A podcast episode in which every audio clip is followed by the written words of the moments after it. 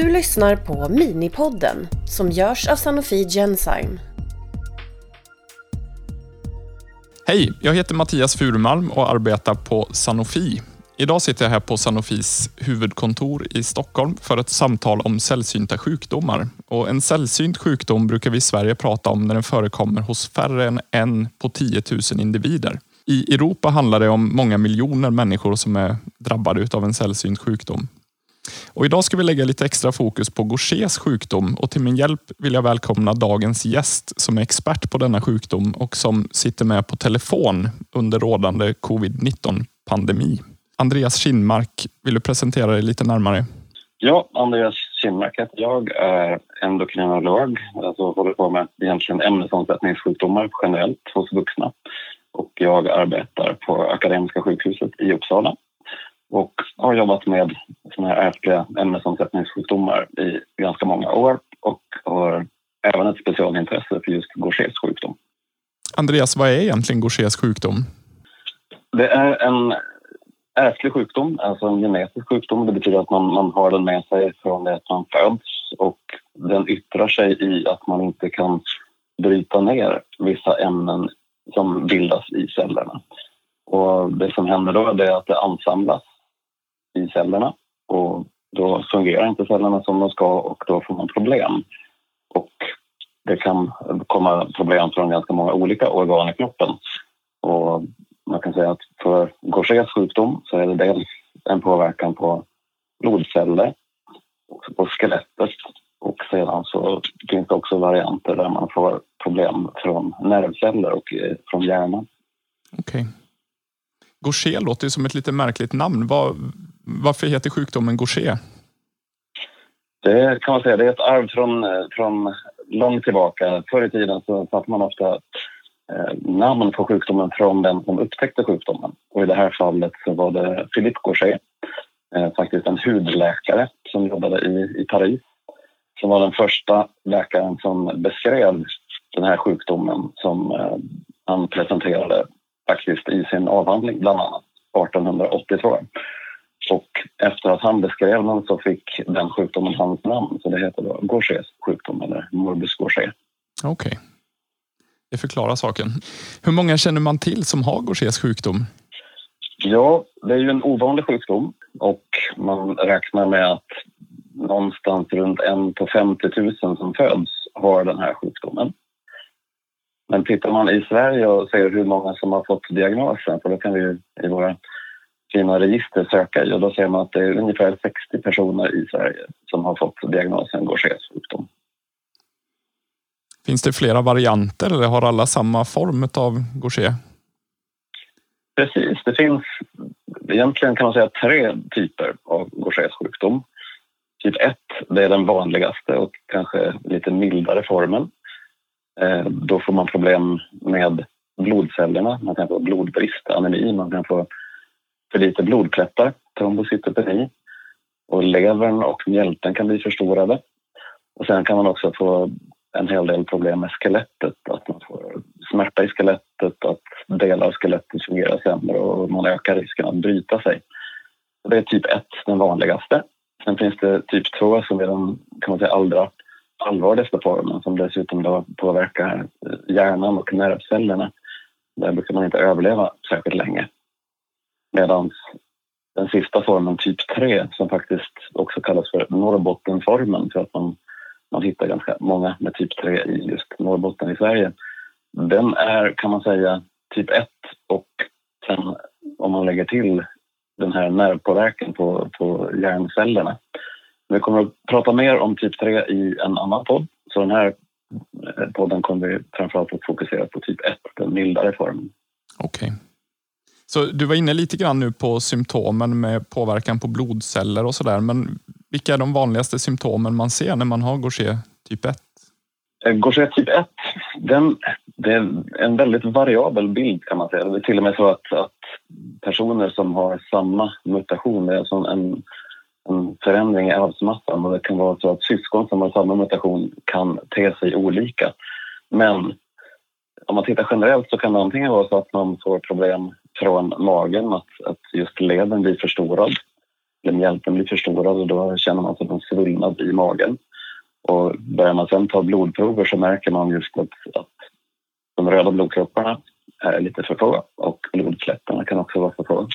Man kan få lättare blåmärken. Eh, en annan variant är att man först får symptom från skelettet med smärtor och eh, att man bryter sig på ett sätt som är ovanligt. Och när man sen gör en röntgen så ser man att det finns förändringar i skelettet som, som stämmer överens med Gauchers sjukdom. Okej. Hur, hur ska man gå tillväga om man misstänker att man själv eller någon man, någon man känner har Gauchers sjukdom? Kontakta läkare är ju eh, en bra väg. Man säger typ 1 är ju oftast lite mildare men den kan ju dyka upp även i barndomen. Så då är det ofta så att man går till en vårdcentral eller kontaktar barnläkare som sen startar en utredning. Jag ska säga att det tar ofta ganska lång tid att få diagnosen. Det kan vara ibland flera år innan man hamnar rätt. En anledning är att symptomen är inte alltid så starka. Eh, och det är också så att sjukdomen är så pass ovanlig så att det är ganska få läkare i, i landet som har råkat ut för att träffa någon patient med sjukdomen. Så det betyder att det kan dröja ett tag innan man hittar rätt. Okej. Okay. Om, om man får diagnosen Gaucher trots allt, även om det kan ta tid ibland, hur, hur skulle du säga att det påverkar livet hos de här patienterna som, som får en diagnos? Jag nu, nu för tiden, om man, om man träffar eh, rätt läkare och, och man får en diagnos snabbt om man inte har särskilt mycket symptom så behöver det inte påverka livet särskilt mycket. Sen får man också tänka på att, att nu för tiden, sen ja, sedan ett antal år tillbaka, så finns det behandling. Det betyder att om man får diagnosen så kan man få behandling och då kan eh, många av symptomen försvinna helt. Och det betyder att man kan ha ett, ett väldigt bra liv med en Gaucher typ 1 i, i nuläget. Och det betyder bättre än det var om man tittar tillbaka 20-30 år. Okej. Okay. Finns det något man själv kan, kan göra för att förbättra sin sjukdom? Det kan man försöka liksom hålla sig så frisk som möjligt i ett så att säga, friskvårdsperspektiv. Det är alltid bra att, att motionera, att äta rätt och så vidare. Det man också kan tänka på, och kanske svårt som, som individ men det är viktigt i kontakten med vården, det är att till exempel se till att skelettet mår så bra som möjligt. Och det jag menar det är egentligen att eh, alla, ju äldre du blir, löper en större risk att få problem med skelettet. Och har man dessutom Gauchers sjukdom så är det extra viktigt att man till exempel sätter in läkemedel mot benskörhet tidigt och sådana saker. I övrigt så kan det nog vara mer att som eh, alla som har en kronisk sjukdom att man lär sig mer själv om sjukdomen. Att man tar del av det som finns till exempel hos patientföreningen i Sverige eller i andra patientföreningar i världen har väldigt mycket information. Mm. Och ju mer man kan om sin sjukdom, ju, ju, lättare är det att hantera om det är någonting som dyker upp. Men hur får man sin diagnos Gauchers sjukdom? Antingen är det så att man till exempel har det i, i släkten, att man känner till någon avlägsen släkting som har sjukdomen och man börjar fundera på om man själv har det. Då bör man ju kontakta sin läkare. Och det man då gör det är att undersöka, se finns det något tecken på till exempel att levern är förstorad eller mjälten. Eh, man tar blodprover, bara se är blodkropparna påverkade till exempel. Och sen blir det ofta då en, en remiss vidare till någon specialist, antingen en hematolog, alltså blodläkare, som ser att det inte är någon annan sjukdom som ligger bakom om man till exempel har lätt att få blåmärken och liknande. Ibland så kan det vara så att man har brutit sig och då är det en ortoped som tittar på det eller en, en, en vaken röntgenläkare som säger att det här kan vara någonting annat och sen remitterar man vidare. Det finns kan man säga, ett antal olika superspecialister som är duktiga på att göra sådana utredningar. Men då, det som behövs då är att man misstänker sjukdomen. Sen har man väl skapat misstanken om sjukdomen så finns det speciella tester. Man kan ta blodprover och se hur, om man kan göra det enzym som i det här fallet i Gauchers sjukdom som är skadat eller defekt. Och då kan man mäta hur väl det funkar. Och ser man att det här enzymet inte finns eller att det är väldigt låg funktion, då stärker det misstanken och sen kan man då göra genetiska tester. Okay. Antingen enzymtester eller genetiska tester. Har man sen hittat en person i en familj som har Gauchers sjukdom, då vill man ju sen testa övriga familjemedlemmar. det är ju så att för att få Gauchers sjukdom då krävs det att man har två anlag. Det är så att de, de flesta gener i, i vår arvsmassa finns i två uppsättningar. Och genen som orsakar Gauchers sjukdom är en sån, så det behövs två stycken upplagor som inte funkar som de ska. Ofta har man då fått en från mamman och en från pappan. Och det betyder att tittar man sen vidare i familjen, i släkten, så kan man se om de släktingarna har samma varianter som den som har blivit sjuk har. Så det kallas för släktutredning eller familjeutredning. Om vi blickar mot framtiden, Andreas, hur tror du att situationen kommer se ut för de patienter som har Gauchers sjukdom? Jag tror nu, dels när det blir mycket lättare att diagnostisera. Förr var det ganska krångligt, men nu för tiden så räcker det oftast med blodprov. Eh, och nu för tiden går det också relativt fort att få svar. Förr i tiden om man till exempel studera göra en genetisk utredning kunde det ta ett halvår innan man fick svar. Nu för tiden så tar det kanske några veckor.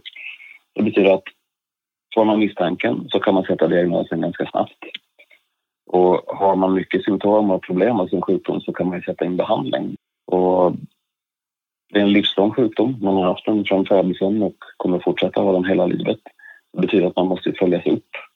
Man vill följa upp till exempel skelettet med jämna mellanrum. Man kanske gör bentäthetsmätningar eller tittar med en magnetkamera för att se hur skelettet mår och sätta in behandling om det behövs. Och tittar man långt in i framtiden så kan man ju tänka sig att sån här ska man säga, DNA-behandling kanske, det vill säga att man egentligen rättar till den genen som har, som har fått en skada så att man tar bort problem Men de, det är komplicerade behandlingar som ligger en, en bit fram i framtiden och inte helt riskfria.